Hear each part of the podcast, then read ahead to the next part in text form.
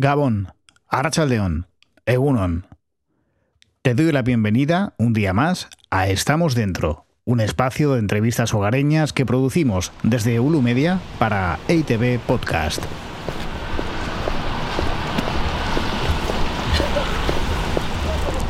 ¿Recuerdas el decimoquinto capítulo, aquel que dedicamos al cineasta Pablo Malo? Pues el de hoy también está grabado en Pasay Ancho, a escasos minutos de mi casa.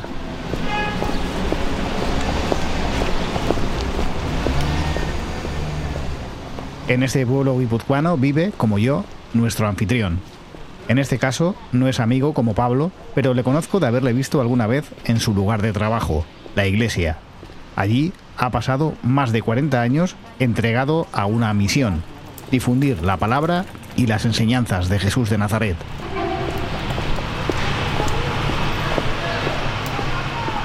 Estos micrófonos suelen frecuentarlos músicos, intérpretes y artistas de diversa índole, pero hoy vamos a abrirlos a un sacerdote muy peculiar, un cura que se autodefine como callejero, una especie de verso suelto de la Iglesia Católica cuyo discurso choca de lleno con el de la jerarquía eclesiástica.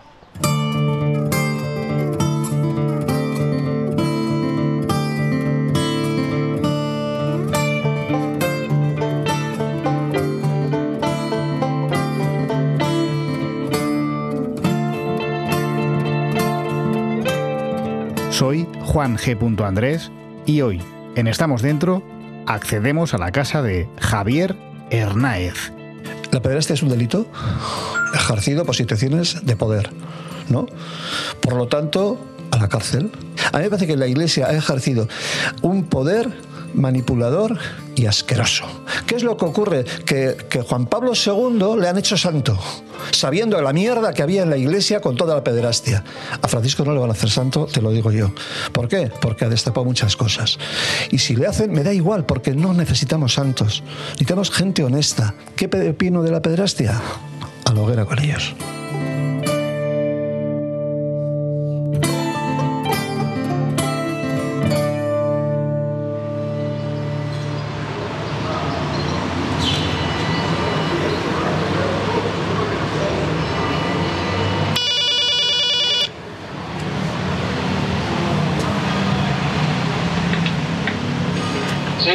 Javier.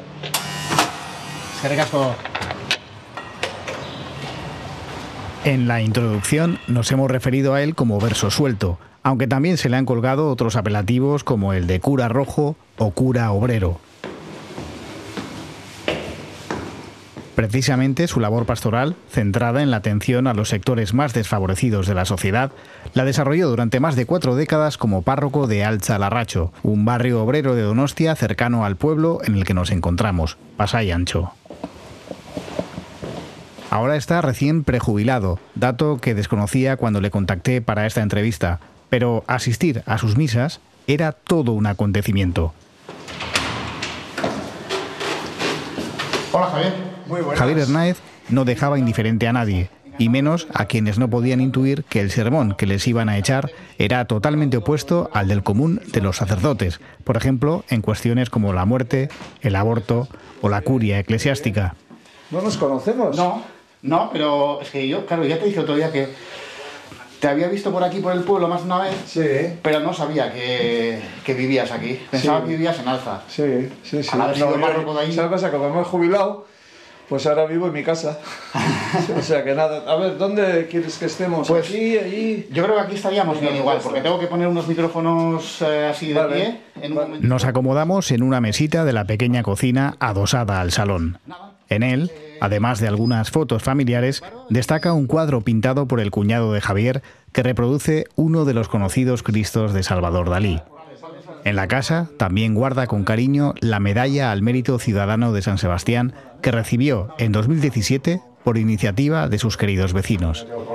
¿Cuántos años tienes, Javier? 67. Pero ¿sabes qué pasa? Que los, lo- eh, eh, eclesialmente Sí. nos jubilamos a los 75. 75. Sí, no es muy normal que yo me, que me vaya jubilado, a no ser que haya una enfermedad grave, porque yo no estoy grave. Entonces sí, que si hay una enfermedad grave te jubilas y ya está. Pero no es normal. Soy un poco raro, siempre he sido raro. Siempre, siempre he sido muy raro. Entonces, hasta en esto, ojo, tengo compañeros que, que, claro, tienen 10 años más que yo. O sea, siguen, ahí trabajando. algunos en, misa que, que tienen muchos Ahora Javier disfruta de su reciente retiro, pero aunque haya colgado el hábito y ya no oficie misas, su intención es seguir colaborando con distintos colectivos sociales. Bueno, eh, gracias Javier, muchísimas gracias por abrirnos las puertas de tu casa y recibirnos aquí en Pasayancho, tu pueblo. ¿Naciste aquí tú? Sí, Sí, sí. Bueno, nací en el hospital, pero yo soy de aquí. vale. Te comentaba antes que alguna vez te he visto por aquí, pero eh, habiendo sido párroco de Alza Larracho tantos años, yo creía que vivirías allí. Sí, vivo permanentemente aquí. Yo he estado 43 años entre Alza y Larracho. 43. Y, sí, y entonces pues ha llegado el momento en que he pedido la jubilación un poco anticipada porque no me tendría que jubilar hasta los 75, pero por motivos de salud y otras razones, pues eh, el obispo me dijo, me dijo que sí y ya está. Es una prejubilación, entonces. Bueno, es una prejubilación eclesial, sí. Normalmente la jubilación, como te he dicho, suele ser a los 75 años cuando hay que presentar la, la jubilación o la dimisión, que es el caso de los obispos, el caso de los curas, etcétera. Y alguien como tú, que ha trabajado tantos años, más de cuatro décadas a pie de calle, eh, bueno, podrás colgar los hábitos en el sentido de que no vas a dar misa los sábados y los domingos, eh, no vas a oficiar funerales, bautizos y demás, pero eh, seguirás al pie del cañón. Sí, sí, por Colgas los hábitos, pero no las botas. A ver, lo que, dejo, lo que dejo es de tener un cargo, un cargo como párroco, pero yo evidentemente sigo siendo cura y sigo teniendo la misma sensibilidad que antes. Lo que pasa es que quiero desarrollarlo en otro ámbito diferente y sin responsabilidades. Muy bien. ¿Vives en esta casa desde siempre? Cuando estabas en Alza también no, de no, Cuando estaba en Alza vivía en Alza, en la parroquia de Alza, sí, en la casa parroquial de Alza. Ya que estamos en tu casa, aprovecho para preguntarte cómo mm, esta casa sería de la diócesis o cómo es un no, poco no no no. no a ver eh, esta casa era de mi hermana. Ah. de mi hermana y de mi cuñado vivían aquí. Cuando murieron mis padres nosotros somos tres hermanos. Una de ellas vive en Ibiza otra vive aquí y éramos tres. Y entonces yo no tenía vivienda propia. Entonces mis hermanas dijeron ya que tú no tienes te quedas con la de la Ita y ya está la de los Aitas y entonces efectivamente bueno así hicimos. Lo que pasa que yo me daba cuenta que efectivamente la casa de mis padres era más grande que esta y mi hermana al estar casada de tener dos niños le dije, ¿por qué no nos cambiamos? Y entonces, en realidad, mi hermana ahora vive en la casa, lo que es la casa de mis padres mm. y le cambié esta casa con conocimiento de mi otra hermana. Y entonces así fue. Ah, vale, vale. Sí, sí. Por cierto, eh, hablábamos de la jubilación, eh, pero cuando llamas a la parroquia de Larracho aparece tu voz grabada con, tu, teléfono. Lo digo porque yo te he localizado de esa forma. ¿eh? Ya, ya, pues bueno. Pues, y, por eso me sorprendió doblemente lo de la jubilación, porque digo, pero si este hombre aparece aquí, está, pues aquí atendiendo. les, tengo, que comunicar que, me, quiten ya. ¿Quién es el sucesor? O? Bueno, mis sucesores son varios. el que el actual párroco de San Pedro, tal Joseba González, es el nuevo párroco, y a la vez el obispo ha traído, con un convenio que deben de tener, yo no entiendo las cosas de los obispos, ha traído a tres, a tres eh, curas indios y un africano. Entonces están esos cuatro más Joseba, cinco, que son los que se harán cargo de las cuatro parroquias de Alza, etcétera. Tienen que, todavía tienen que aprender y el idioma y tal y cual, pero bueno. Yo hay cosas que no logro entender. Eso es, eh, esas decisiones de traer de fuera es un resultado de la falta de vocaciones en, nuestro entorno. Pues no sé si es resultado de falta de vocaciones, que también puede ser, sino yo creo que hay convenios de colaboración con distintas diócesis y en ese sentido supongo que sí. No, la verdad es que no tengo ni idea. De la misma manera que cuando de aquí se iba a misiones, pues no sé si ellos vienen aquí con la idea de ser misioneros, no lo tengo muy, no tengo muy claro. A este Joseba, que digamos ha tomado el relevo, eh, ¿has hablado con él? ¿Le has dado alguna clave sobre cómo moverse en la...? No, no. primero porque él no me, ha, no me ha pedido nunca y segundo porque yo ya he dejado de ser y a partir de ahí el que es es. Mm, en eso hay que saber también vivir.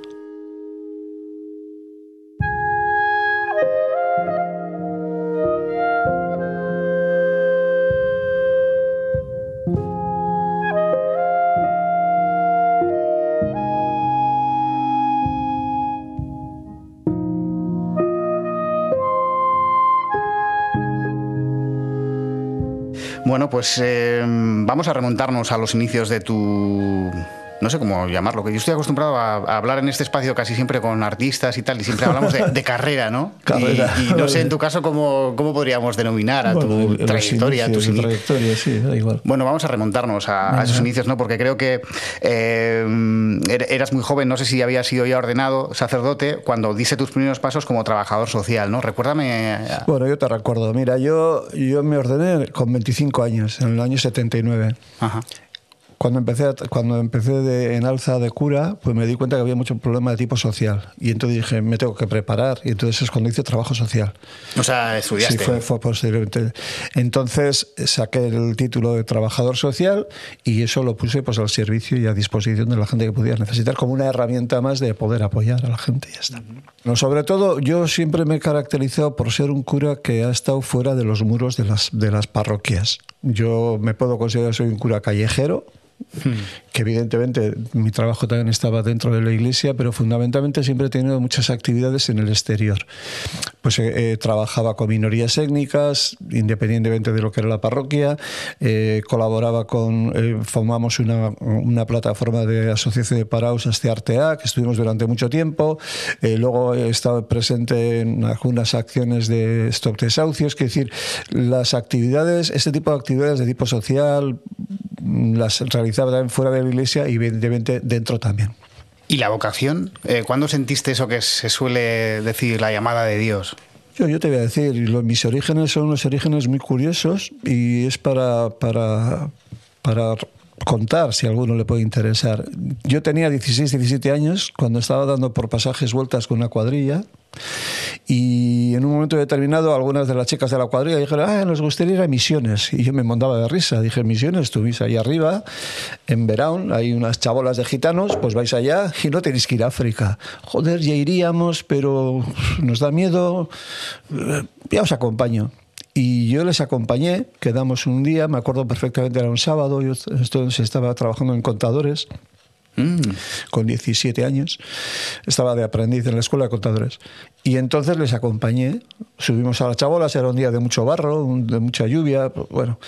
Y una de las cosas que más me impactó es que cuando llegamos no había adultos en las chabolas, había solamente niños y muchos, algunos de los niños tenían mordeduras de ratas tanto en las, en, los, en las orejas como en los dedos. Aquello me impactó de tal manera que eso fue una manera muy concreta de hacer algo por alguien en una situación de miseria. Eso fue el, el origen. Posteriormente luego me fui a, vivir luego a Pamplona con familias gitanas y ahí es cuando descubrí que, que podía dedicarme a esto de manera sacerdotal y ya está. up. Cuando empecé eh, a hacer ese tipo de trabajo en las chabolas, que era pues ir los sábados, jugar con los críos, llevarles caramelos, empezamos a darles ya clases, organizamos y me encontré con personas que estaban formando parte de comunidades de base, comunidades ADSIS. Y entonces yo no tenía ninguna, yo tampoco me, consideraba una persona, tampoco era una persona religiosa con 16 años. Entonces eh, estos me invitaron a un grupo y me di cuenta que empecé a conocer un poquito el Evangelio, lo que significaba la, comunidad, lo que significaba compartir bienes y necesidades, lo que significaba vivir en común, que, todo, que ninguno de los que vivíamos teníamos necesidad, o si teníamos se descubrir entre todos, etc. Entonces ahí es donde descubrí una manera muy concreta de vivir de esta forma solidaria y fraterna. Y a través de la experiencia de todas estas décadas, Javier ha conocido en primera persona el fracaso de un sistema que no protege como debiera a las personas más vulnerables de la sociedad. Yo creo que es un sistema que estamos todos inmersos, que no podemos escapar de él, pero es un sistema totalmente injusto y atroz. El que tiene, tiene y el que no tiene, ahí se queda. Y entonces se dulcifica el asunto con las ayudas sociales, con bancos de alimentos, en ocasiones con unos comportamientos en Cáritas que tienen muy, eh, muy poco de compasión en algunos casos. Yo creo que esto es un, fracaso porque no se considera que el ser humano es sagrado y valioso. Y como no se considera que es valioso, da igual. Aunque la Declaración Universal de los Derechos Humanos diga eso, sin embargo es mentira. Es mentira ¿por qué? Porque de hecho las viviendas son más caras, los accesos al trabajo son insuficientes, la precariedad laboral es no sé cuántos. Nos encontramos que con el tema de la pandemia han surgido más de 200 personas que vivían en la calle en Donosti, una ciudad de 180.000 habitantes. Yo siempre me hago una pregunta. ¿Por qué los albergues municipales en invierno se abren solo cuando hay menos dos grados bajo cero? ¿Quién ha sido el listo político que ha dicho, no, no, solamente se abrirá con dos grados bajo cero? O sea, esa falta de, de sensibilidad y esa frialdad es la que me pasma. Por eso, cuando estos políticos hablan de tantas cosas, son unos auténticos miserables los políticos no son santos de tu devoción, ¿no? Por emplear una expresión. Bueno, no son santos de devoción ni los políticos ni los obispos, también tengo que decirlo. Quiero decir que yo reparto por todos lados, como evidentemente yo tampoco seré santo de devoción de mucha gente. Pero yo, mi, mi vida siempre ha estado marcada por situaciones de. Muy, tratando de estar muy cercana a gente muy vulnerable y muy frágil y simplemente escuchar y acompañar y jamás juzgar. Por eso una de las cosas que yo critico siempre en la Iglesia, que tienen un gran tesoro como es el Evangelio, el personaje de Jesús, que transmite ternura y compasión, lo hemos convertido en un arma arrojadiza, aplicando doctrina y cumplimiento, obligación y estamos acabados. Mm. Me decías antes cuando me recibías, eh, yo siempre he sido un poco raro, siempre he ido un poco a mi aire, ¿no? Sí, bueno, uno de los obispos que yo tuve, yo he tenido tres obispos. Setién, eh, Uriarte, y, Munilla. El, uno de ellos, mm, no el último, uno de ellos me decía, es que tú eres un, cura un poco atípico. Digo, no sé qué significa, pero está bien, quiero decir que no formo parte de la, del grupo mayoritario, con lo cual está bien, sí.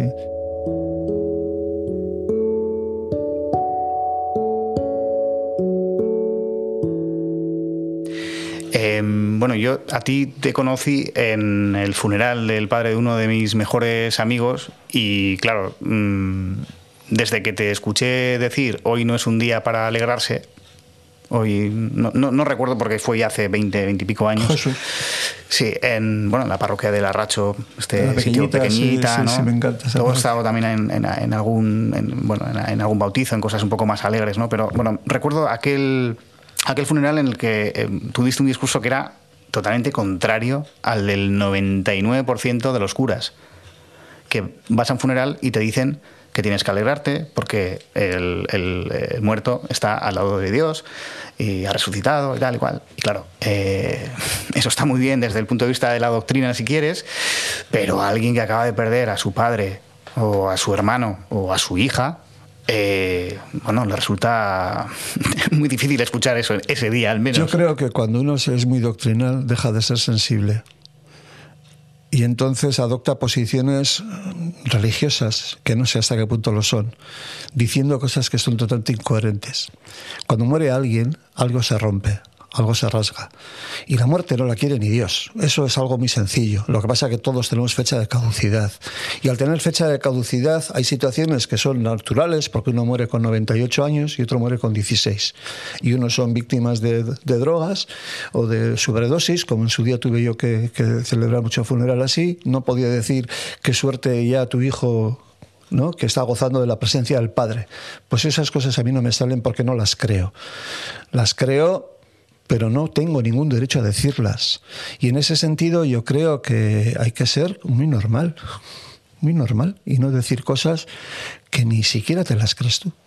Y, que además que, te, te, distancian ¿no? de, la gente a la que estás hablando y a la que quieres, bueno, de alguna manera traer a, tu espacio ¿no? para, compartir con ellos una creencia. Claro, es que yo creo que al final una de las cosas que más me molesta de los funerales cuando algunos compañeros curas dicen es que Dios se la ha llevado se me pone nervioso. O sea, Dios se lleva lo que más quiero yo.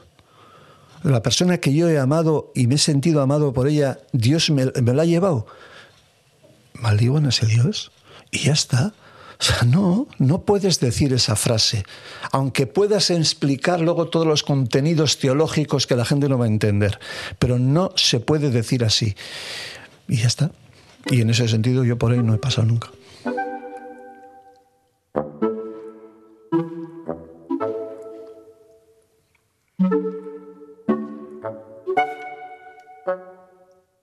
Y luego otra cosa que al, al salir de tus eh, oficios se comenta mucho y supongo que te habrá llegado por un montón de sitios es si todos los curas fueran como Javier, las iglesias estarían llenas. Eso, eso no va a ser verdad nunca.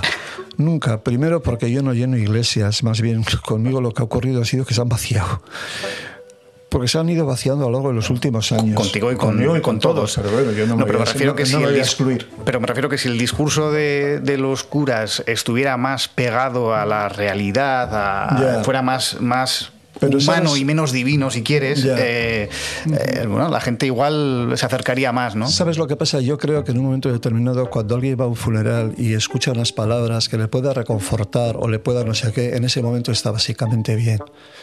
Pero luego la vida es, la vida es muy, muy continuadora. Quiero decir, luego al día siguiente, al día siguiente. Es decir, si yo llevo, si yo he estado durante 40 años en una parroquia y, y he tenido ese discurso y me han oído mucha gente, mucha gente, mucha gente, y no se ha producido el llenar, pues está bien, lo digo, está bien que digan, ah, si todos fueran como tú, las iglesias estarían llenas. Pues que eso no es verdad. Eso no es verdad. Porque las llena incluso hasta el obispo, que piensa todo lo contrario a lo que yo digo. O sea que ya está.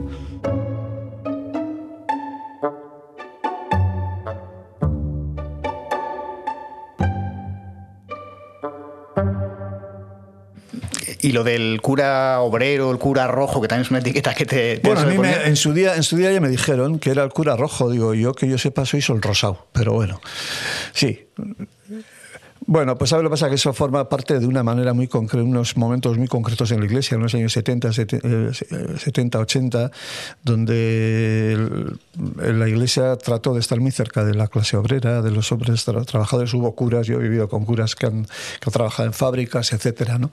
Pero yo creo que, yo creo que uno de los grandes problemas de la iglesia es que a medida que va pasando el tiempo vamos perdiendo a personas. Lo único que no hemos perdido en la iglesia ha sido la gente mayor, a los jubilados.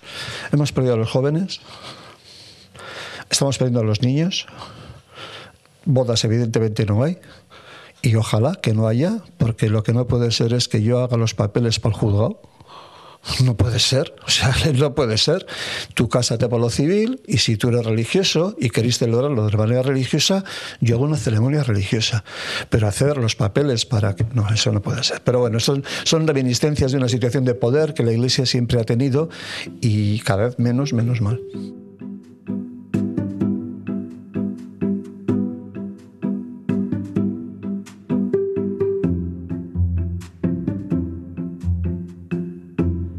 Javier Hernáez es consciente de que cada vez son más las personas que contemplan la Iglesia como un ente distante y despegado de la realidad, algo que él atribuye, entre otras cosas, a que la organización eclesial nada tiene que ver con la verdadera palabra de Dios.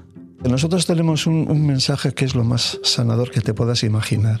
Es el mensaje de Jesús. Compasión, ternura, misericordia, sensibilidad, no juicio, no condena, respeto máximo a la persona. O sea, si nosotros leemos el Evangelio en esa clave, que es en la que hay que leer, nosotros tenemos el mejor, la, mejor palabra que podemos imaginar. Pero tenemos dos mil años de historia. Tenemos dos mil años de miseria y tenemos dos mil años de poder. Y al final, la organización eclesial como organización no tiene nada que ver con el mensaje sanador de Jesús. Lo siento, pero esto es así. Y me parece, mira, yo te voy a poner un ejemplo muy sencillo. En los últimos 10 años, más o menos, cuando yo era párroco de Alza, hasta hace dos meses, yo creo que ha habido unas 12 personas que han hecho la apostasía. Yo solamente les hacía una pregunta. ¿Conoces el mensaje de Jesús? Y ninguno me dijo que sí. Luego, una persona abandona una institución sin conocer el mensaje. O sea, es decir, tú conoces la democracia, sí, pero no te has sentido respetado por ella. Con lo cual, ¿qué te sirve conocerla? No la has conocido, no la has vivido, no la has mamado, no has vivido bebido las esencias.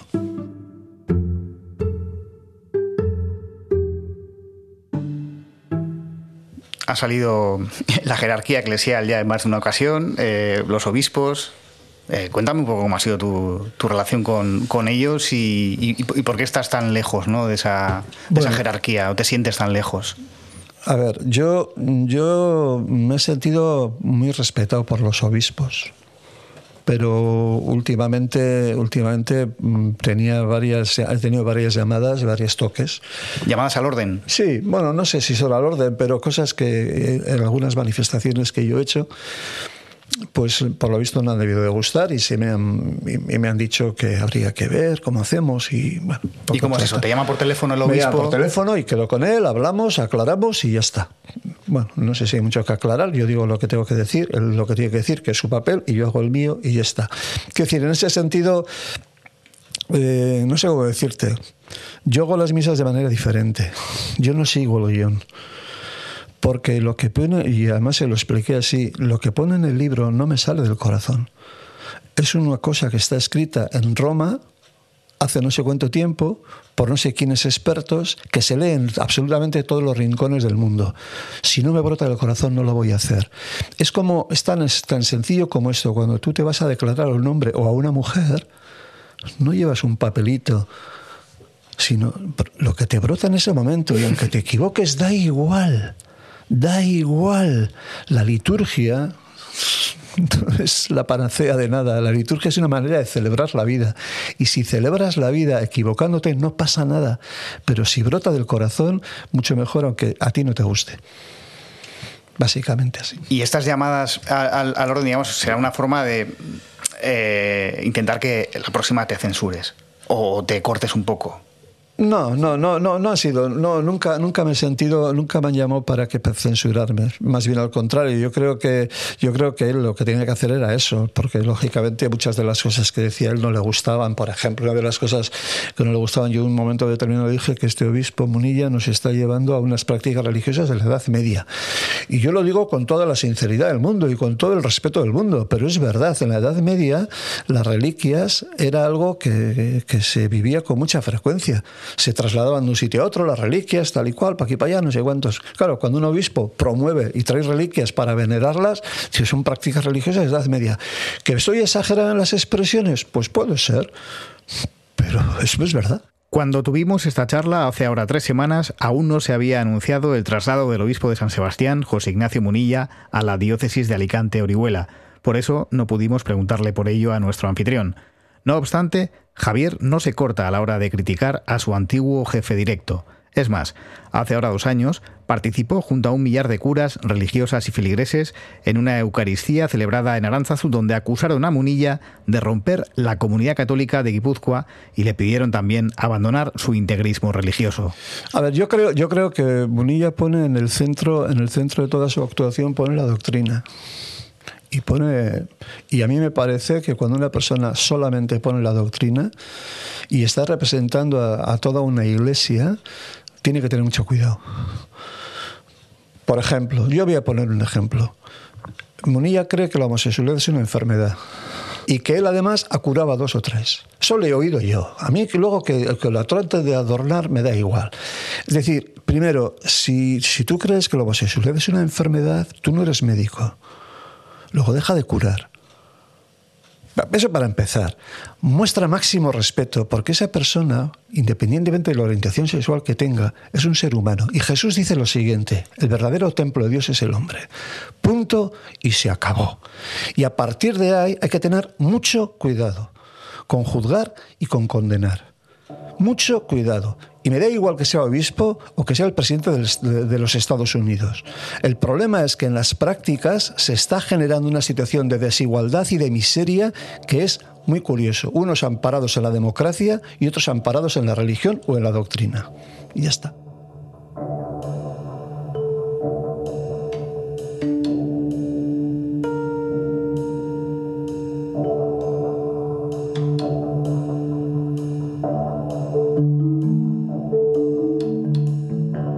Cuando escuchas eh, por parte de, otros miembros de la jerarquía eclesiástica eh, este tipo de cosas, ¿no? como que los homosexuales son enfermos, que hay que curarles además con terapias eh, absolutamente aberrantes y no.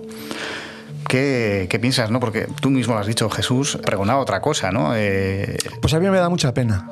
Mucha pena porque tenemos, como he dicho antes, tenemos un mensaje sanador, un mensaje liberador, un mensaje de Jesús, donde realmente no es doctrinal, sino que invita a un comportamiento exquisito en el trato y en la defensa del ser humano, especialmente el más vulnerable.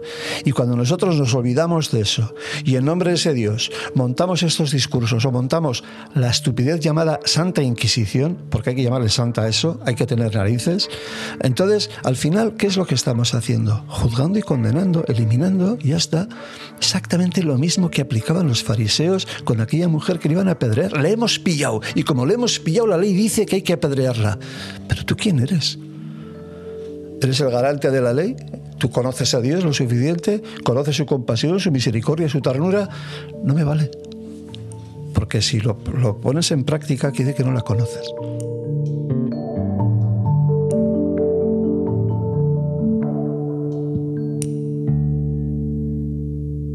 Y otros asuntos espinosos, eh, Javier, ya que nos hemos metido en, en, estos berenjenales. ¿no?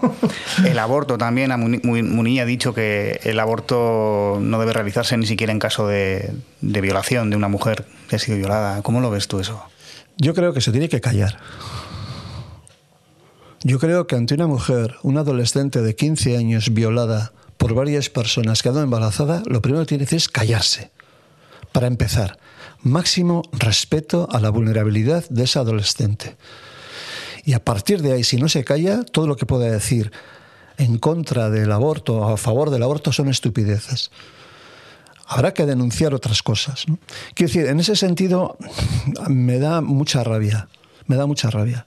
Me da mucha rabia porque... Y luego, ¿sabes lo que pasa? Que no es lo mismo un aborto en Finlandia con 25 años que un aborto con, con 12 en, yo qué sé, en Kalmandu. No sé, no es lo mismo. Meter el mismo rasero a todo el mundo me parece muy serio. Quien diga sí al aborto o no al aborto sin conocer absolutamente nada comete un error. Un error muy serio de falta de escucha a la persona vulnerable y maltratada. Y en este caso incluso violada y ya está. ¿Y cuál es tu posición personal, si la puedes compartir con respecto al aborto? Mi eh, posición eh, personal es ni decir que sí ni decir que no. Si a mí viene una persona que quiere abortar, yo le escucharé, le acogeré. Incluso le acompañaré en su decisión porque es libre de decidir lo que ella quiera, aunque esté en contra de mí. Yo estoy en contra de los banqueros y me los tengo que tragar. Y ya está. O sea, yo voy a sacar mi dinero y me cobran. Y tengo que tragar. ¿Y por qué tengo que hablar sobre el aborto de una chica de 15 años diciendo que no, porque eso va en contra de la voluntad de Dios? ¿Tú qué sabes? Y aunque vaya en contra de la voluntad de Dios, que no lo sé, que no lo sé, no soy nadie para dirigir la vida de nadie. Yo soy, en todo caso, soy alguien que puede acompañar, acoger, cuidar y, sobre todo, no juzgar. Esto es algo que nos valdría también para la eutanasia que se acaba de legalizar ahora en España. Por supuesto, por supuesto. Primero, nos tendríamos que poner de acuerdo qué significa vida digna. ¿Qué es vida digna en la India? ¿Qué es vida digna en Perú? ¿Qué es vida digna en Finlandia? ¿Qué es vida digna en Euskadi? ¿Qué es vida digna? Y en eso no nos vamos a poner de acuerdo. Entonces, al final, ¿quién soy yo para decir a una persona que lleva 25 años, que solo mueve las pestañas, para decir, no lo hagas? Porque no es voluntad de Dios. Y si no es creyente, o, o si lo es, ¿tú quién eres? Acompaña pero no hagas alarde de discursos que rompen el corazón de las personas. Porque claro, cuando Munilla o quien sea, me da igual, habla de la homosexualidad como pecado, tengo que recordar que los padres y las madres de esos pecadores están en misa. Y estamos diciendo en misa, en una comunidad acogedora, cercana, celebrando la palabra, que tu hijo es un enfermo. Un respeto, un respeto. Por lo tanto, silencio. Mira, el comportamiento de Jesús ante el, eh, apedreamiento posible de la mujer no dijo nada. Se agachó. Dicen que escribió algo en el suelo que no sé qué coño haría, igual a un crucigrama, me da igual. Y dijo, ¿quién está libre de pecado? ¿Que tire la primera piedra? No dijo más. Se acabó y apeló a la responsabilidad de cada uno. Y la gente, en aquel momento, ante las palabras de Jesús, tiraron las piedras y se fueron. ¿Quién soy yo para tirar la primera piedra? Pues estás tirando tú la primera piedra contra esa adolescente de 15 años que ha sido violada cuatro veces por cuatro energúmenos.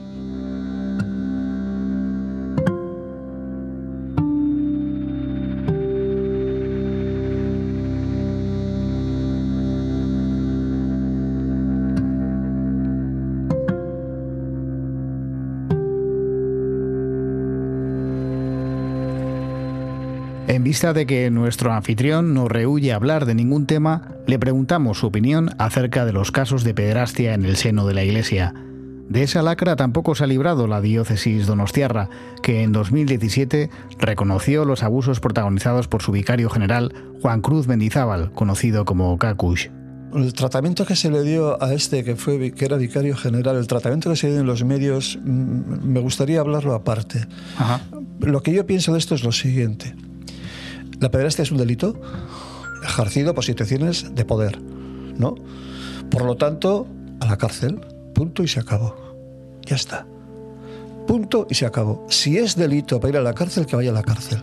Si es delito para que cumpla condena, que lo haga. Lo que no se puede hacer es tapar. Lo que no puede hacer es ocultar.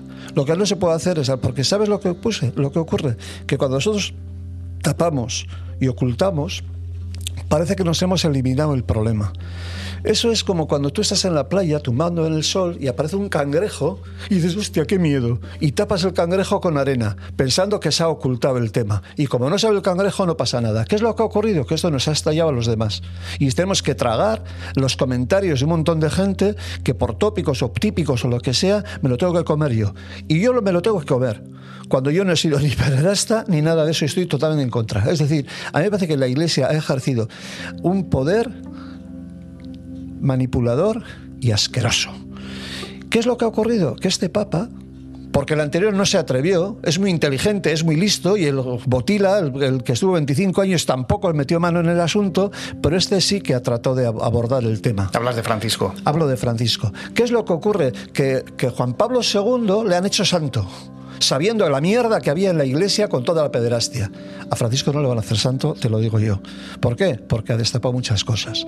Y si le hacen, me da igual, porque no necesitamos santos. Necesitamos gente honesta. Y mi madre lo era, tu padre también, y ya está. ¿Y qué necesitamos en esto? Nada más. ¿Qué pino de la pederastia? A la hoguera con ellos.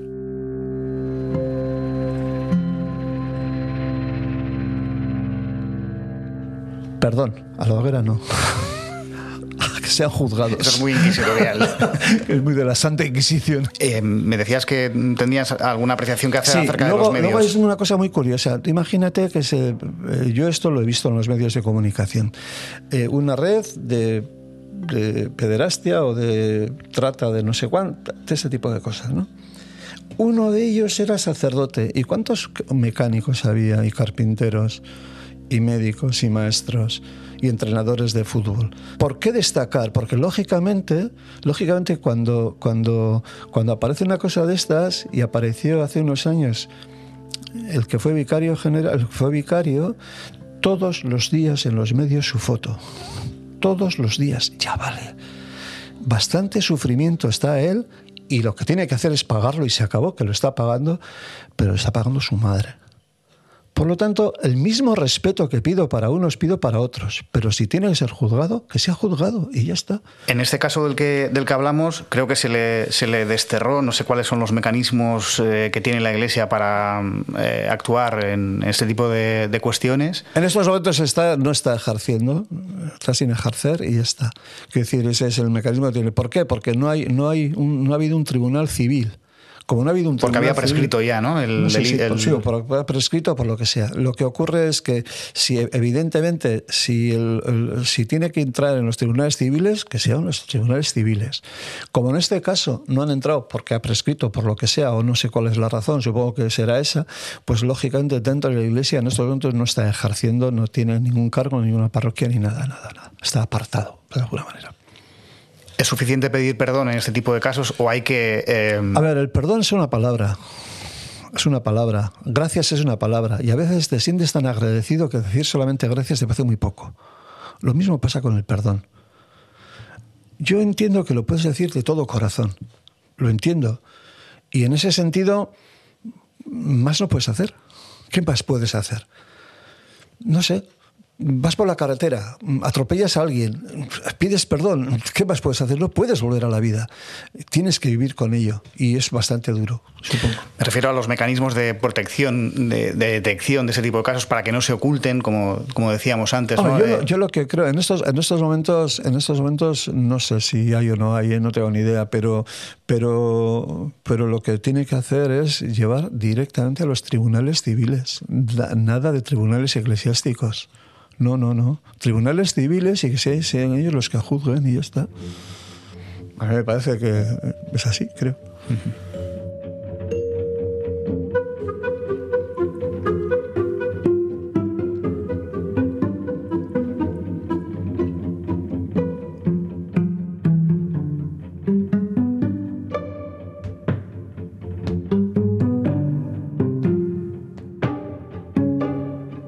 Javier le ha tocado ejercer de cura bajo el mandato de tres papas, Juan Pablo II, Benedicto XVI y Francisco. A juzgar por lo que llevamos de conversación, solo este último parece despertar sus simpatías. A ver, yo evidentemente no le conozco y conozco lo que los medios dicen de él. Algunos medios que ves y otros que no ves, pues dirán cosas contrarias. Pero bueno, en algunas cosas que yo sí he leído y algunas cosas que yo sé por, porque me he informado, es que es una persona que todavía le falta el valor suficiente para afrontar los problemas de la, de la Iglesia.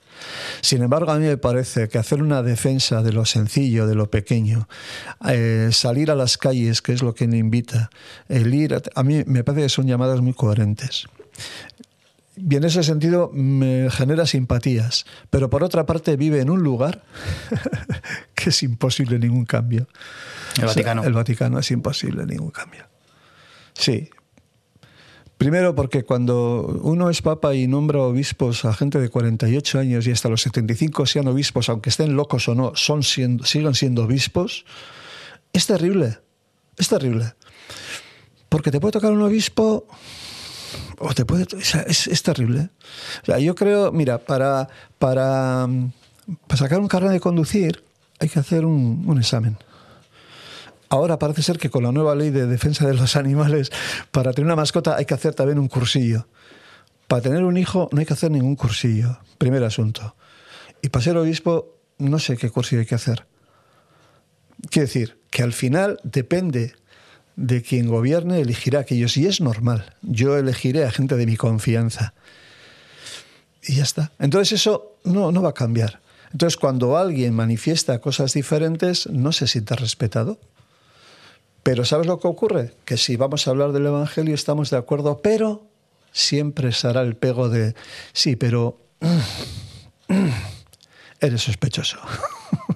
¿Cuál es también tu opinión, Javier, sobre, sobre el papel de la mujer en la, en la iglesia? ¿no? Eh, una iglesia que es eh, tremendamente masculina, por lo menos eh, en, en, cuanto a los oficiantes se refiere, la jerarquía y demás, ¿no? Mira, una iglesia que permite una iglesia que permite que congregaciones religiosas de mujeres solo estén para atender a los curas, está todo dicho. ¿Vale? Está todo dicho. Segundo, yo creo que la mujer en la iglesia tiene que ocupar exactamente el mismo papel que el hombre. María Magdalena era discípula de Jesús. En el Evangelio no aparece la palabra discípula porque no existía en arameo la palabra discípula pero era seguidora de Jesús. ¿Qué es lo que ocurre? Que el acontecimiento más importante en la historia del cristianismo, que es la experiencia de la resurrección, las primeras mujeres que lo vieron, las primeras personas que lo vieron fueron mujeres. Para mí eso es un dato claro de que fue verdad lo que ellas vivieron. ¿Por qué? Porque si no tenían ninguna credibilidad y ellas lo vieron, quiere decir que aquello era muy importante, porque en la época aquella las mujeres, su testimonio en un juicio ni siquiera valía. Y sin embargo, el acontecimiento más importante del cristianismo, que es la resurrección, fueron las mujeres. Pero como eran mujeres, tuvieron que eh, rectificar esa historia Pedro y Juan, claro, que eran más, fueron y lo vimos, pero las primeras fueron ellas. Es decir, a mí no me vale de nada que se ensalce tanto a María, la Virgen, María, María, María, María, como el prototipo de mujer, y a las demás mujeres se les tenga limpiando. Entonces, mm, verías bien que, que, pudieran dar misa y que... Por supuesto. Mira, una de las cosas que yo he promovido en la parroquia de Larracho, que todavía se está dando, y espero, no sé si el cura que está lo quitará o no, eso ya no depende de mí, es que eh, hay un día, una vez al mes, un domingo, que la celebración la hace una mujer. Se, se turnan un hombre y una mujer, que no son curas. Es la liturgia de la palabra. Y ya está. Y más no he podido hacer.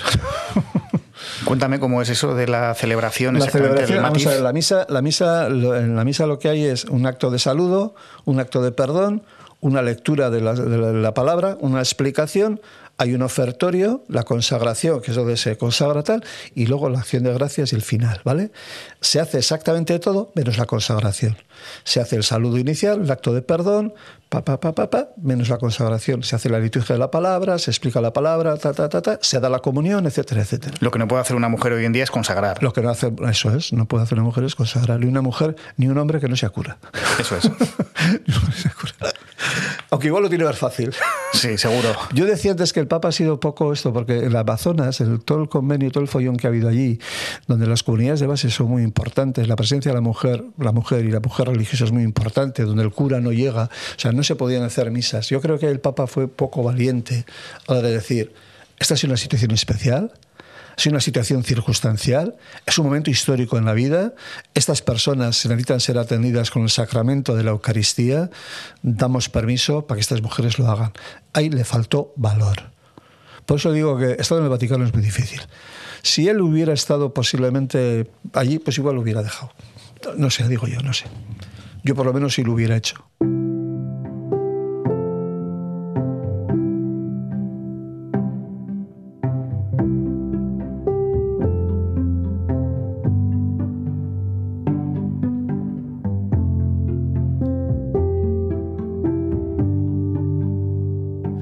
Javier, ¿te han, llamado alguna vez para responsabilidades mayores o, ¿Para? responsabilidades mayores dentro de la iglesia? A ver, a mí eh, yo no he querido salir nunca de Alza, eso lo tengo que decir. Mi decisión fue vivir en Alza, estar en Alza y me hicieron propuestas para ir a otro, a otro sitio y dije que no.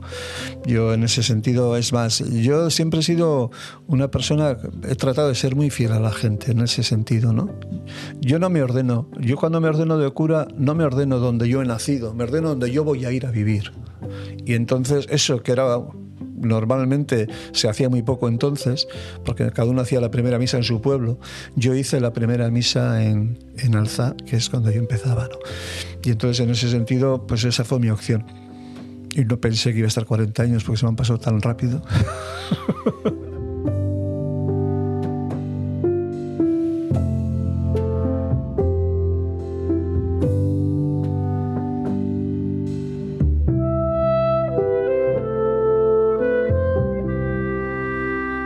Mira, yo te digo, yo estaba en Alza y estuve en Alza desde el año 79 al año 84.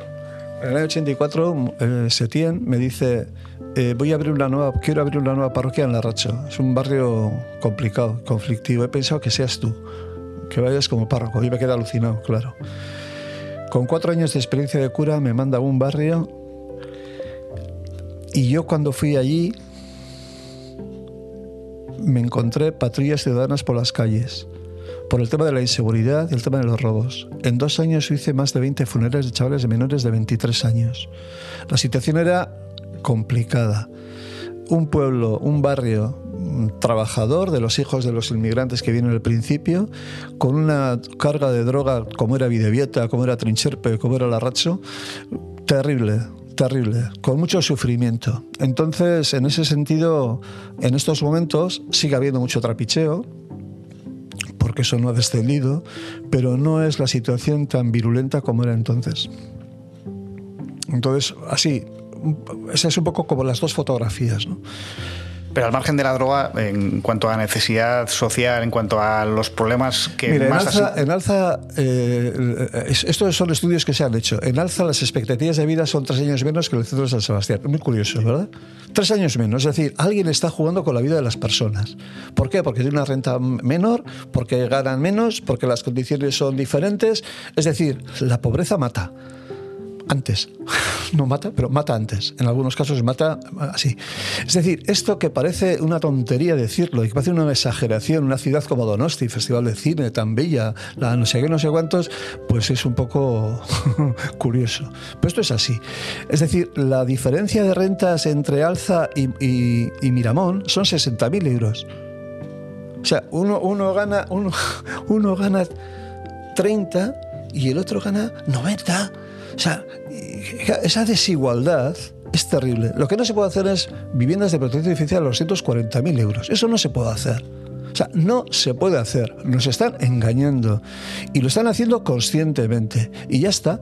Entonces, al final, ¿qué es lo que ocurre? Lo que ocurre es eso, que se está generando situaciones de desigualdad conscientemente, en nombre de la democracia, en nombre de los partidos políticos, porque en nombre de los partidos políticos gobernamos, estamos gobernados por gente que es capaz de decir solamente, lo voy a repetir lo de antes, solamente se abrirá el albergue cuando haya dos grados bajo cero.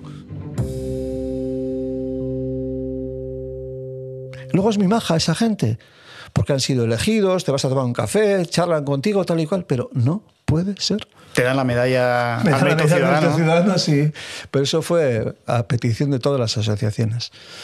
Fue una cosa, eh, te, cuento rápidamente, anteriormente ya me, dijeron, ah, vas a probar, ah, no quiero, y se paró. La siguiente vez me dijeron, mm, ya está hecho, tienes la firma de todas las asociaciones y entonces te hemos presentado, ya veremos si sales. Digo, vale, pues muy bien, ¿qué voy a hacer? Y me dieron, sí. ¿Cómo recuerdas ese momento? Pues un momento muy especial. Un momento muy especial primero porque es el reconocimiento no de la ciudad, es el reconocimiento de la gente de mi barrio. Yo tengo la lista y las firmas de todas las asociaciones del barrio. Asociaciones de mujeres, asociaciones de vecinos, asociaciones culturales, asociaciones gastronómicas. Todo el mundo firmó. Con lo cual, lógicamente, ese clamor, ese clamor hizo pues que el ayuntamiento dijera que sí, supongo. Y lo recuerdo como un momento especial, porque traje a la memoria a personas mm, muy importantes en mi vida. Y me sirvió para, también para eso. ¿no? Y entre esa gente que te, que te apoyó, seguramente habría muchos no creyentes, ¿no? Muchos Muchos, muchos, muchos no creyentes. ¿Cómo, es tu relación con.? imagino que no pides el carné de, católico a nadie a la hora de, ayudarle o cuando viene bueno, pues a pedirte algo, pero mm, cuando tienes frente a ti a alguien que no, que no cree. Eh, bueno, primero no sé si cree o no cree. Yo creo que siempre se cree en algo. Todo el mundo es creyente. Todo el mundo cree que va a cenar esta noche. Luego yo creo que cenaré. por lo tanto, algo de, de, fe. de fe hay, ¿no? Luego otra cosa es lo que cene. Es otra historia. ¿no? no, lo que quiero decir que yo siempre he procurado, y esto es verdad, siempre he procurado estar colabora, ser una persona colaboradora con todas las personas, en todas las asociaciones con todas, sin ninguna distinción, en una medida o en otra. ¿Puedo colaborar dejando el local de la parroquia? Vale, pues lo, puedo colaborar. Sabrá. Podría decir que no. Digo, pues no, pues mira, ya está. Entonces, en ese sentido, siempre he procurado ser una persona pues colaboradora con todas las instituciones y personas. ¿Qué es lo que ocurre? Que cuando hay personas, yo sé que hay personas que no son creyentes, lógicamente, pero a mí me da igual, lógicamente, no tengo ningún problema. Además, el carnet de identidad del cristiano no es la partida de bautismo. El carnet de identidad del cristiano es el comportamiento, que eso viene expreso así, el comportamiento entrañable entre las personas. Entonces, una de las cosas que me hace muy importante es escuchar, acoger y no juzgar. Lo de no juzgar es muy importante. Y eso yo, lo aprendí de Jesús. No juzguéis y no seréis juzgados, no condenéis y no seréis condenados. Y en todo momento, amar. Toca los cojones. Dinamita.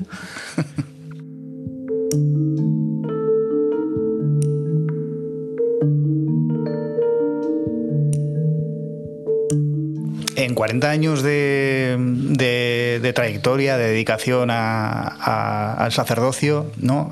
y de entrega también a los, a, los demás, eh, ¿has tenido crisis de fe? Mira, tuve una crisis de fe al principio, antes de, antes de ordenarme cura. Fue una crisis muy seria, muy, muy profunda. Yo me preguntaba si para ayudar a la gente había que ser creyente, si no bastaba la sola humanidad el desarrollo de la humanidad total. Y, ahí tuve un momento de crisis. Tuve un, amigo que me, dijo, si al final te tienes que tirar al agua siempre, siempre te tienes que fiar de alguien, siempre. No puedes vivir una situación de, de, generosidad sin fiarte de la gente. Más o menos fueron estas palabras. ¿no? Y al final dije, bueno, pues voy a retomar aquello en lo que tal. Y entonces de nuevo volví a retomar eh, la lectura del Evangelio, lo que Jesús decía, eliminando doctrinas. Y, recuerdo que tenía ese Evangelio como si fuera una, un cuaderno de guerrillero, subrayado con anotaciones y tal y cual. Y, iba y lo metía, metía papeles que hacían referencia y eso tal. Y luego ha habido otras cosas donde no ha sido, no ha sido crisis muy, muy profundas, pero sí situaciones de desasosiego. Por ejemplo. Pues, por ejemplo, ante situaciones, mira, por ejemplo, la última, la última, con el tema de la pandemia, cuando estuvimos aislados. Y hubo un momento muy, muy duro, ¿no? Yo todos los días tengo que andar una hora porque yo tuve un infarto, etcétera, ¿no? Y claro, no podía andar. Entonces lo único que hacía, bajaba a la iglesia y daba vueltas a la iglesia. Y una de las maneras, entonces estaba, estaba como muy preocupado, que las noticias eran muy duras, ¿no? O sea, se han muerto 15, hostia. En, en Berra ha habido, siete veces han ido a sacar muertos. O sea, era una sensación terrible, ¿no? Y entonces yo estaba como muy, con mucho desasosiego. Entonces una de las cosas que me salvó fue el, hacer comida para distintas personas que vivían. Y entonces todos los días hacía comida para 12 personas. Todos los días. Eso me, me sacó de mi desasosiego me hice, me metí en, la piel un poco de esas personas que habían venido hacía poco. Me acuerdo de una mujer nicaragüense, otra de, Colombia, estaba en una habitación, encerrados, una situación terrible que no está. Y luego a la vez, a la vez organizamos un poco el tema del reparto de alimentos, ¿no? Y aquello me salvó una situación de pandemia muy dura, donde sale a flote unas situaciones muy, muy complicadas, lo que hago es, en vez de lamerme las heridas, y lo que hago es decir, bueno, yo tengo heridas, pero hostia, hay otros que están peor. Y entonces habrá que echar una mano. Esa fue un poco la esta. Pero, pero crisis de fe, no sé lo que pasa. Yo siempre, yo siempre, si alguien, si hay un personaje que me ha entusiasmado y me entusiasma, ese es Jesús de Nazaret. Yo es así, así, yo lo siento. Y la gente, me da mucha pena que no lo conozca o que no sepa de él y que tenga visiones muy distorsionadas de unas imágenes de un Jesús con rayos que le salen de las manos, con un corazón mm, con colorines, esas, estupideces. Eso es Jesús. ¿Cuál sería, en tu opinión, la forma de acercarse entonces a Jesús hoy en el siglo XXI? Yo creo que la forma de acercarse a Jesús es acercarte a ti mismo, para empezar, y empezar a descubrir. Mira, hay, hay frases que a mí las tengo muy grabadas el verdadero templo de Dios es el hombre. Si nosotros pensamos solamente en esta frase, seas creyente o no, y colocas al ser humano en el centro de toda tu cabeza y en el centro de todo tu corazón, en el centro, te olvidas de todo lo demás, o por lo menos no tiene tanta importancia, yo creo que es una de las claves. Es decir, si yo soy templo de Dios, me tengo que cuidar. Pero de la misma manera que me cuido, tengo que cuidar a ti. Por eso Jesús establece solo un mandamiento trata a los demás como a ti te gusta que te traten. Eso es evangelio puro y duro. Y ya está. Entonces, ¿cómo quiero que me traten? Yo quiero que me traten bien. Pues esa misma medida tienes que utilizarla. Y luego, si crees en Dios o no, ya veremos. El comportamiento entrañable es lo que cuenta. El carnet de identidad no es la partida de bautismo. El carnet de identidad es el comportamiento entrañable. Y ya está. Mirad cómo se quieren. Era la frase seguro que son cristianos. Hostia, a por ellos, a los leones. ¿De verdad?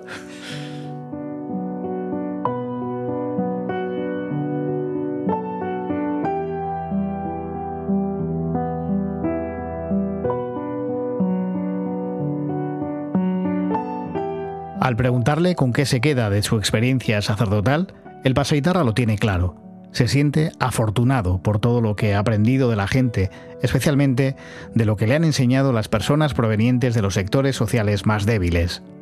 Mira, las personas más torpes, más frágiles, más pequeñas, más vulnerables, más pecadoras, más miserables, son de las que yo más he aprendido. Hmm. Y te lo digo porque esto es así. Porque he leído una clave diferente. No he leído desde la clave del poder he leído desde la clave de la escucha. Y cuando una persona presenta su vulnerabilidad, su fragilidad, su miseria, su, fragilidad, y descubres que esa persona es sagrada y dices, cuidado con esta. Esa es la clave del asunto. Todo lo demás son discursos. Todo lo demás está muy bien. Son ideologías, mayorías, minorías, dependencias, independencias. decir, pero eso es lo que a mí, mira, cuando a mí me dieron la medalla, te he dicho antes que hice un recorrido de todas las personas, yo di las gracias a todas las personas y mencioné a las que estaban muertas. Y nombré a 14 15. Y había gente creyente y gente no creyente. Y aquellas personas son las que en un momento determinado son las que me mostraron una manera de proceder. Evidentemente mis padres, Jesús de Nazaret, un cura, un tal Manolo, que era, se daba su propia camisa, tío. Es que yo, y, un, chaval que, murió en mis brazos, murió de sida cuando yo vivía con, estos chavales. Cuando no estaba Villa Betania estaba no estaba aquí sino estaban en Bilbao. Los fines de semana yo iba a verle porque vivió conmigo. Y, ese, ese chaval Voy a contar una historia que luego si quieres la cortas, pero me parece que merece la pena para que explicarte un poco lo que estoy diciendo.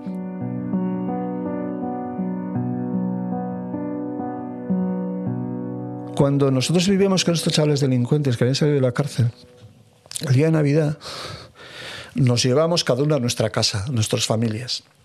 Y este vino conmigo a casa de mis padres en Navidad. Y entonces mi madre siempre pues tenía un detalle el día de Navidad pues con todos, ¿no? Pues los pañuelos, no sé qué, tal y cual, aparte de los lecheros. Claro, como yo le dije a mamá que va a venir este y tal, ah, sí, sí, vale, vale, muy bien. Y entonces una, una caja de pañuelos. Pasan los años, pasan los años, deja de vivir conmigo, me llama, no sé cuántos años habían pasado, y cuando le vi, le vi cadáver. Y le dije, ¿qué haces? ¿Cómo estás? ¿Pero qué te pasa? Ven a vivir conmigo. Y vino a vivir conmigo, en la otra casa, en la casa de mis padres, no en esta. Mm. Y entonces, bueno, tenía un SIDA como un caballo. Claro, lógicamente, todas las precauciones habidas y por haber, al médico, pa, pa, pa, todo el rollo. Cuando vino a casa, que venía, todas sus pertenencias de una bolsa de basura, vino a casa, le dije, ¿qué tienes aquí? La ropa. Y empieza a sacar las cosas. Todo para tirar. ¿Y sabes qué estaba? La caja, de, pañuelos. Cuando vi la caja de pañuelos, o sea, ahora se me está poniendo la cara de gallina. Cuando vi la caja de pañuelos dije, ¿pero qué haces con esto? Me lo regaló tu madre. El cabrón había guardado la caja de pañuelos como un auténtico tesoro ni lo había abierto y estaba con su plástico. No me lo puedo creer. Todo estaba para tirar. Todo. los nikis, el pantalón, todo estaba para tirar. La ropa interior, todo, todo. Pero guardaba la caja de pañuelos. Quiere decir que cuando una persona en un momento determinado sabe conservar eso como un auténtico tesoro, algo que no tiene ningún valor, lo que es poco valioso para ti, para otros es muy valioso. Entonces, este, este se llama José Mari alias Pichi. Y cuando, cuando di las gracias en el, eh, cuando la medalla y di las gracias a Pichi, evidentemente vino a la memoria todo esto, ¿no?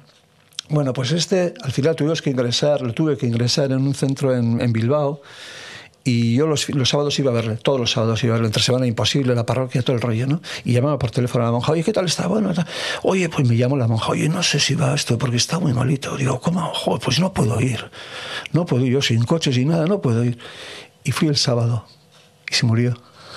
Hostia, dije, ¿cómo no va a ser mi maestro? Las personas que nada son y nada tienen nos enseñan posiblemente incluso lo que nos sobre y lo que nos falta. Y si queremos aprender, estamos en clave. Por lo tanto, aprender de las personas es muy importante. Querer aprender de las personas es muy importante. Y yo en eso soy un privilegiado y yo ya merezco morir porque ya he vivido lo que tenía que Bueno, no, espera, es una vamos, broma. Vamos a esperar. Vamos a esperar a terminar la entrevista, por lo menos. no voy a...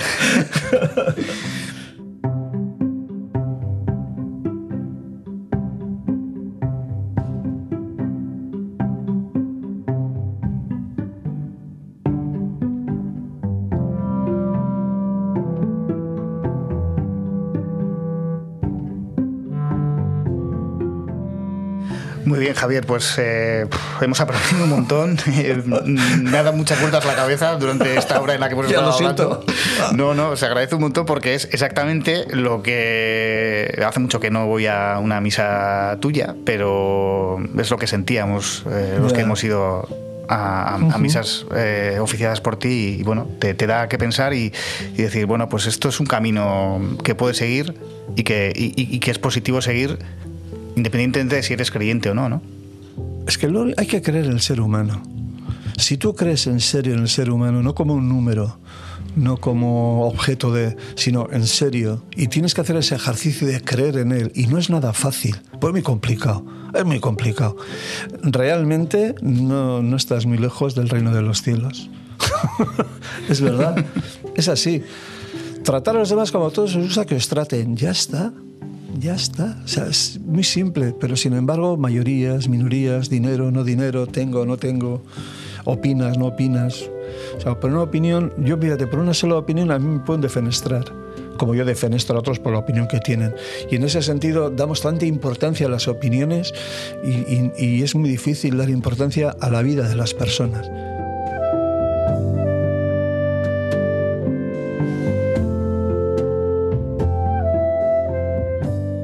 Por ejemplo, yo lo que tú decías, ¿no? Tú eres originario, tus padres de Miajadas y tal y cual. Yo cantidad de veces en las misas de gente que ha muerto de Miajadas, de Extremadura, tal y cual, siempre he dicho, este hombre, esta mujer, ha levantado Euskadi. Se vino aquí con 17 años, se vino aquí con 17 años, trabajó lo indecible en varios sitios, trabajando horas todas habidas y por haber, porque en su día había que hacer así. Máximo respeto porque ha levantado un país. Cuidado con esto. Eso que parece una tontería, es verdad. Eso es verdad. O sea, han trabajado en potasas de Navarra, tragando más polvo que la hostia, en las minas de no sé dónde. Luego han encontrado en contadores, que era ya mejor. Luego en no sé qué. Luego en, en cocheras, en los autobuses. Hostia, han sacado adelante una historia teniendo que dejar su casa. ¿Por qué pones vallas? ¿Por qué levantas vallas? Con serpentinas de esas, bueno, serpentinas no, ¿cómo? Concertinas. Concertinas, serpentinas es otra cosa. O sea, no sé, no sé. En fin.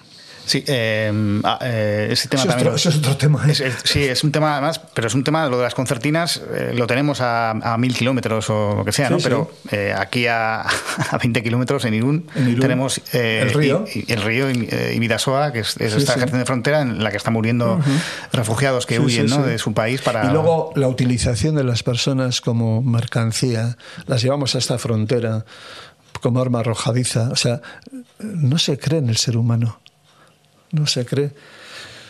Y, una cosa es la propaganda, eh, siempre a su servicio. Es mentira, tío. La escucha miente. Miente, tío. Que no, que miente, que me cobras por respirar. Joder, que no, mientes. Dices que porque no cree en el ser humano. Y en la administración igual. Y la iglesia igual. ¿eh? Por, eso, por eso he dicho que yo soy una persona muy, muy rara. Porque tengo unas convicciones que nacen del Evangelio, pero que no las, no las dice nadie. Tampoco voy de chulo, ¿eh? que, que, yo estoy jubilado ya películas, ya no soy nadie. Eso me decía un cura, me decía, ahora vas a, no vas a ser nadie ahora. Digo, qué suerte, voy a estar como antes. Porque antes no era nadie, pensaba que era, porque tú pensabas que era, pero yo nunca me lo he creído. O sea que... Ahora te, te, sentirás más libre para decir... muy libre, sí, sí, sí. ¿Más que antes? No, a la de decir dices, no, yo igual, no, eso no, no, no. Ahora me siento más, más relajado. No tengo la, la carga de responsabilidad no me levanto todos los días pensando, hostia, tengo que llamarle a este, tengo que hacer esto, tengo que estar con no sé quién. A ver, joder, dentro de poco es Navidad, tengo que preparar, voy a llamar. Ese tipo de cosas me han desaparecido. Y en ese sentido estoy muy tranquilo. Voy a empezar de voluntario en Eterpe. El otro día estuve allí y me, le conozco al encargado y le dije, hombre Javier, ¿qué tal? No sé qué, no sé cuántos y tal. Igual, yo vengo de voluntarios, me he jubilado. ¿Cómo que de voluntario? si tú ya estabas de... Es verdad, yo iba todos los miércoles, durante muchos años iba a servir comidas a Terpe. Me decía, tú eres el único cura que ha venido voluntario a Terpe, el único cura de toda la diócesis. Digo, bueno, tampoco es que había muchos. sí, voy a volver, sí. Entonces le dije, mira, yo quiero venir de voluntario para hacer lo que tú me digas que había que hacer. Pero las patatas, repartir la comida, tal y cual. Y dice, no, me dice, no, no, no, no. Con la valía que tú tienes, con la capacidad que tú tienes, yo te quiero aquí por las noches. Digo, no, por las noches no voy a venir.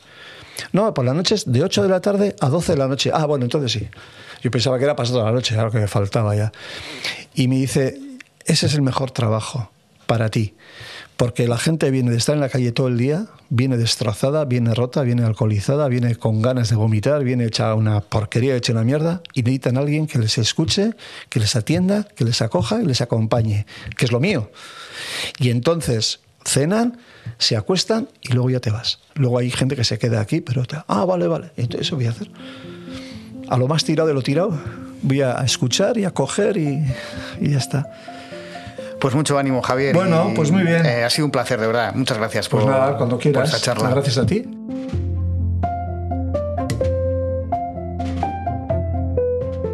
Al regresar a casa y comenzar a editar esta entrevista, pienso que es una pena perder a Javier Hernáez como párroco. Tanto si eres creyente como si no, la suya es una opinión que aporta, que invita a la reflexión, que debería tenerse en cuenta para modernizar esa institución anquilosada desde hace siglos. Al mismo tiempo, entiendo que esté cansado de luchar contra los molinos de la jerarquía y que prefiera seguir trabajando a su aire, de modo más independiente.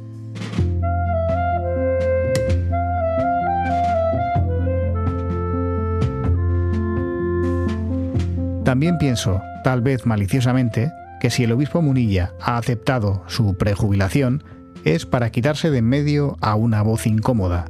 ¿Quién sabe? Quizá se lo pregunte la próxima vez. Pero en fin, termino aquí mi sermón, que ahora soy yo quien parezco el cura. Si esta charla te ha gustado o al menos interesado, suscríbete y síguenos en nuestras redes sociales. Escucha también Barruan Gaude, nuestro podcast siamés, conducido por mi amigo y compañero Oyer Aranzábal. El próximo viernes ambos regresaremos para colarnos en la casa de un nuevo personaje interesante. Hasta entonces, cuídate mucho.